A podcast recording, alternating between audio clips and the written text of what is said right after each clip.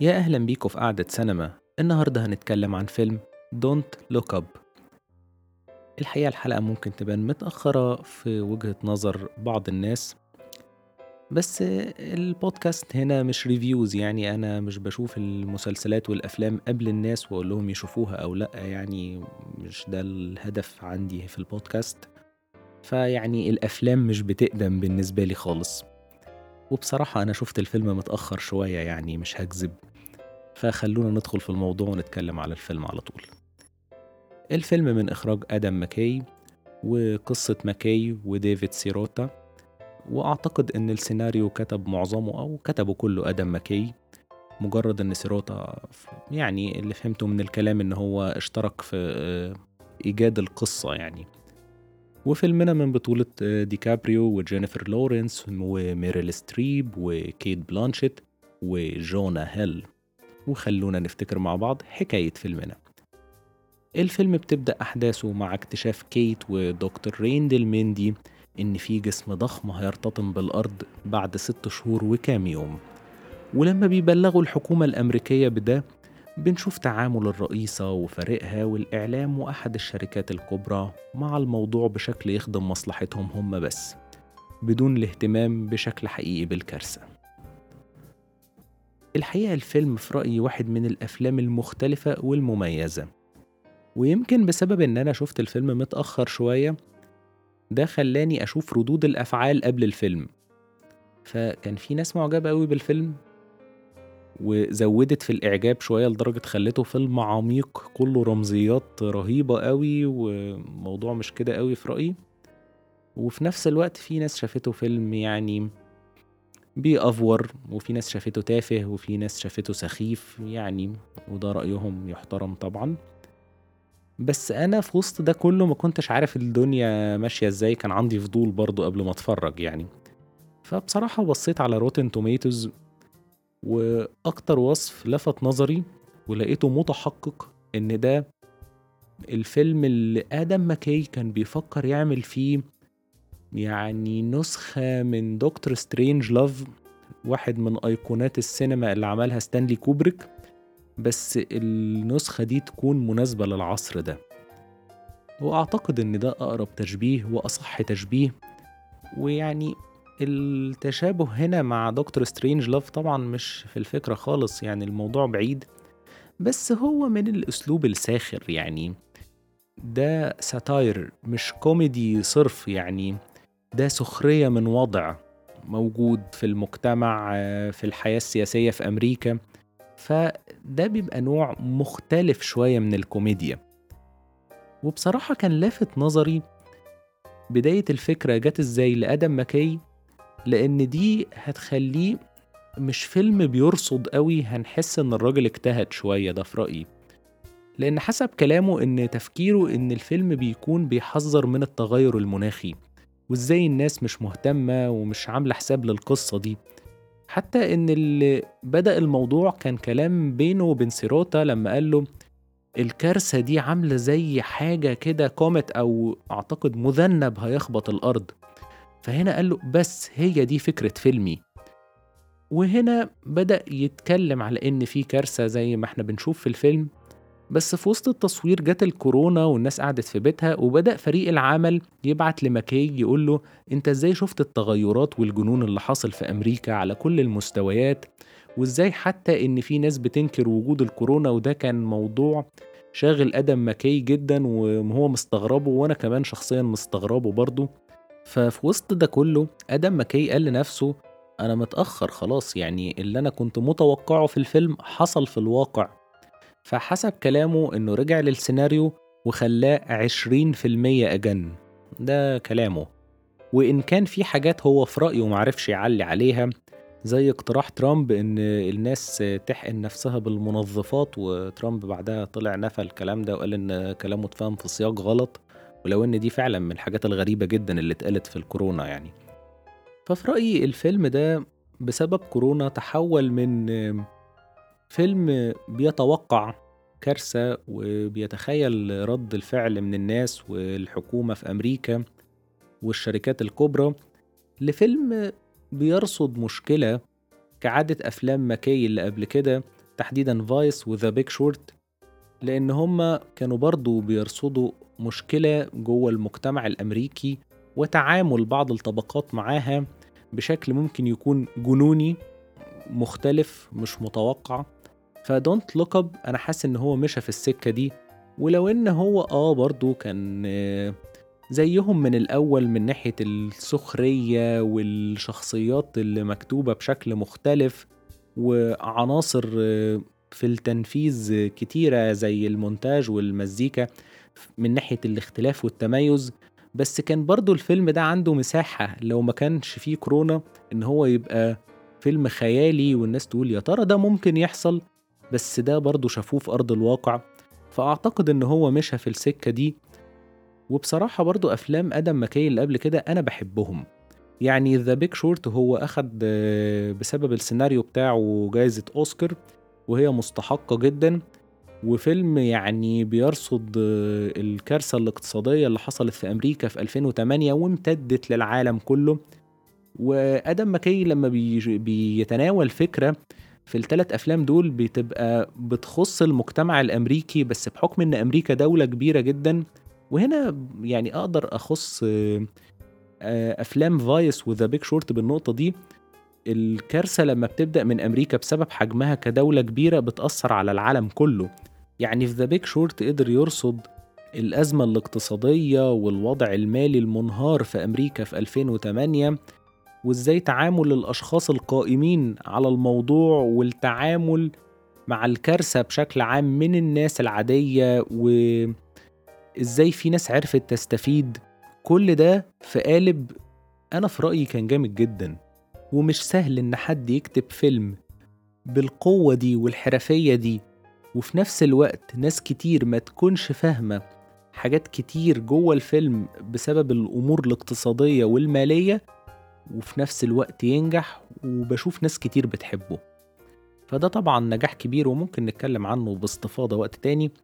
وكمان Vice النجاح بتاعه يمكن أقل شوية من The Big Short ولو إن الفيلم ده أنا استمتعت بيه جدا بسبب القصة النوع ده بيجذبني شويتين يعني بصراحة بيثير اهتمامي. بس كمان الفيلم ممتع الفيلم مسلي إن الواحد يتفرج عليه. فمن رأيي إن آدم مكي من الناس اللي بتقدم نوع مختلف من السينما وده اتحقق هنا برضو في Don't Look Up يعني الفيلم بصراحة كان فيه نقط كتير كويسة عجبني جدا تعامل ال social media جوه الفيلم مع الموضوع وإزاي الحاجات بتنتشر وال memes اللي كان صناع العمل عاملينها حلوة جدا ومعمولة بشكل لو الحكاية دي موجودة في الحقيقة فعلا أعتقد ال memes هيكون شكلها كده. وحتى إعلانات ديكابريو جوه الفيلم كانت عجباني جدا ومعمولة بالصياعة. بحب قوي لما يبقى في تفصيلة زي دي وتتعمل بحرفية كده زي فيلم Goodfellas الإعلان اللي كان جواه. إعلان وحش معمول بشكل وحش ومقصود إن هو يبقى بالشكل ده. فالحكاية دي كانت مظبوطة قوي.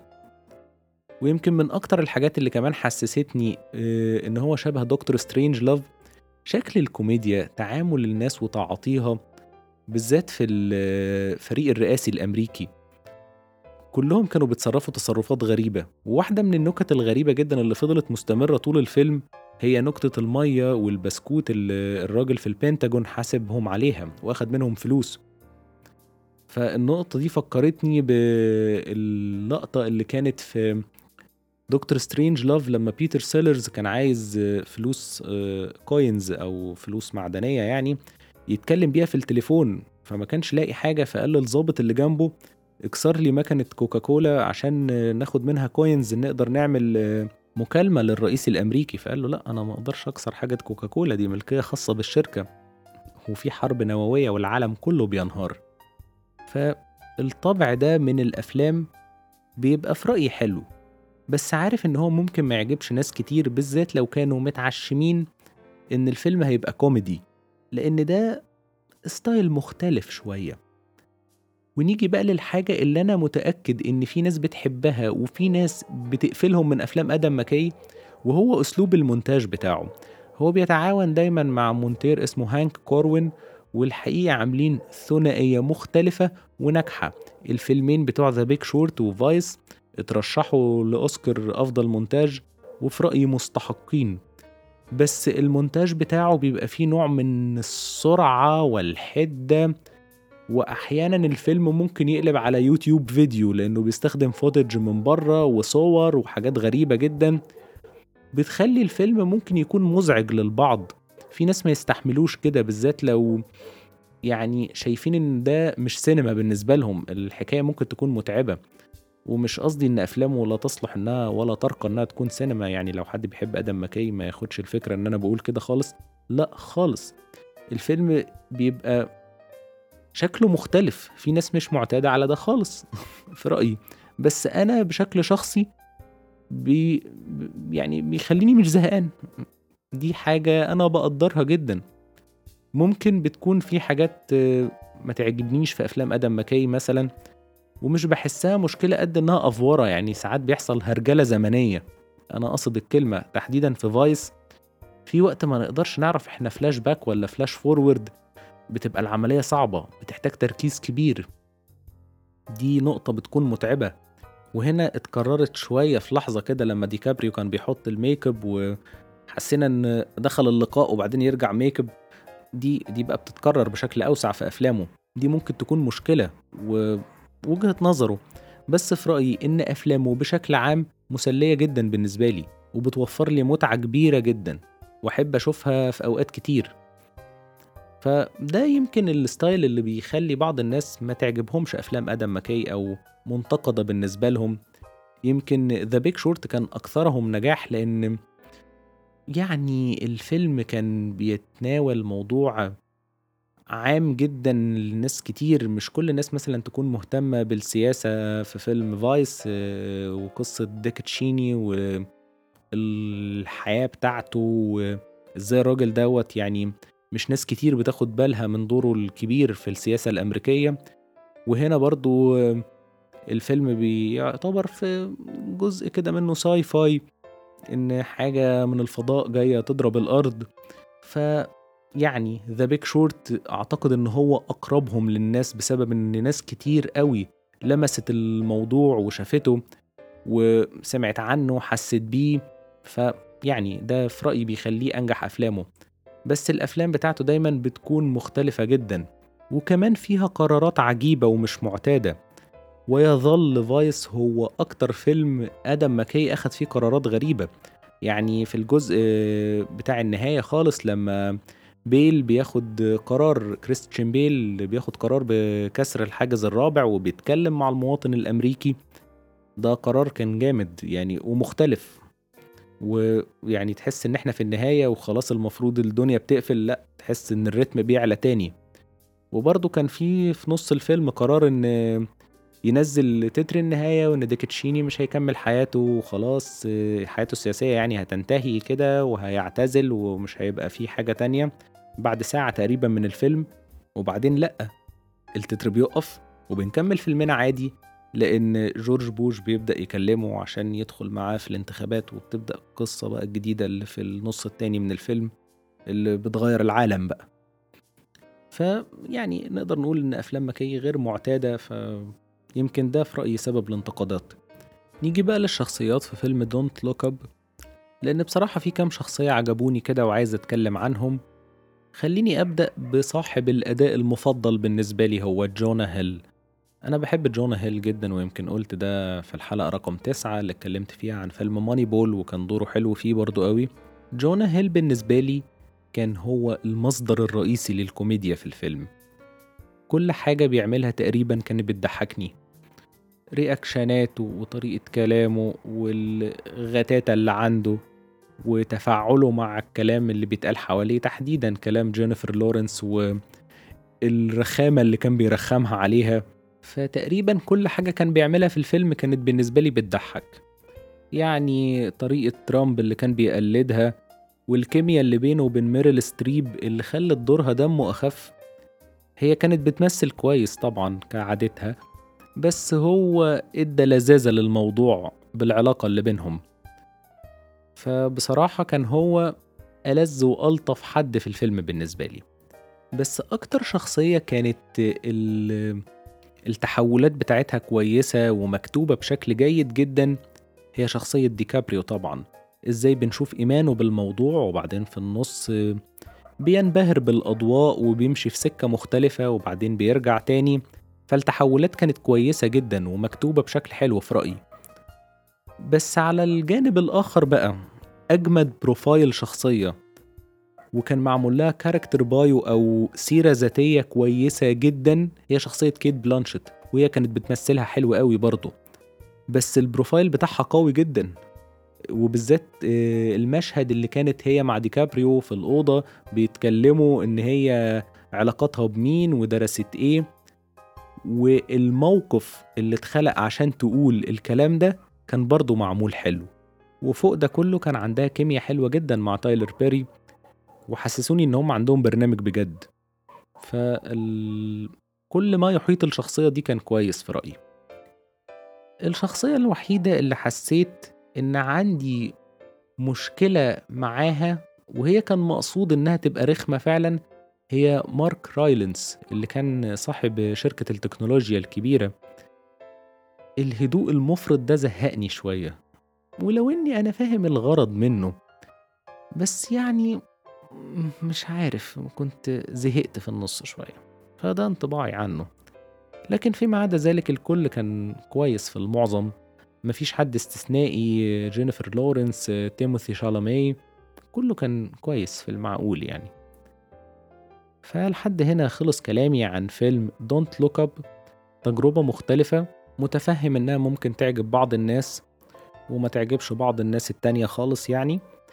بس الفيلم الحاجة الوحيدة اللي في رأيي ما يستحقهاش هو الحمقى الأوفر دي. يعني في ناس الفيلم ده وحش قوي وفي ناس لا الفيلم ده عميق. انت مش متخيل بقى الرمزيات. يعني لدرجة بقى بيتعمل ميمز على العمق بتاع الفيلم فالموضوع مش مستاهل خالص. وأعتقد حتى آدم ماكي ما كانش قاصد يبقى عميق. يعني الموضوع مباشر جدا جدا جدا. وأي حد بيتابع ترامب وفترة الكورونا هيبقى فاهم الأمور يعني ما أعتقدش إن في حاجة محتاجة تفسير خالص.